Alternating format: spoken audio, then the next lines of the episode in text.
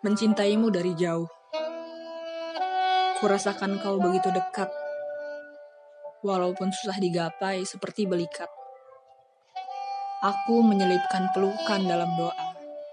Dari malam yang mulai pekat. Aku menyampaikan cinta lewat kata yang tak bunyi. Seperti puisi dan syair-syair lirih terkhusus untukmu.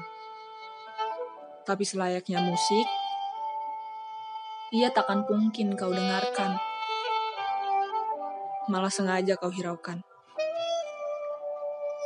Aku bisa memelukmu dengan berbagai cara, tapi tidak dengan kedua tangan yang mengadahkan ajakan.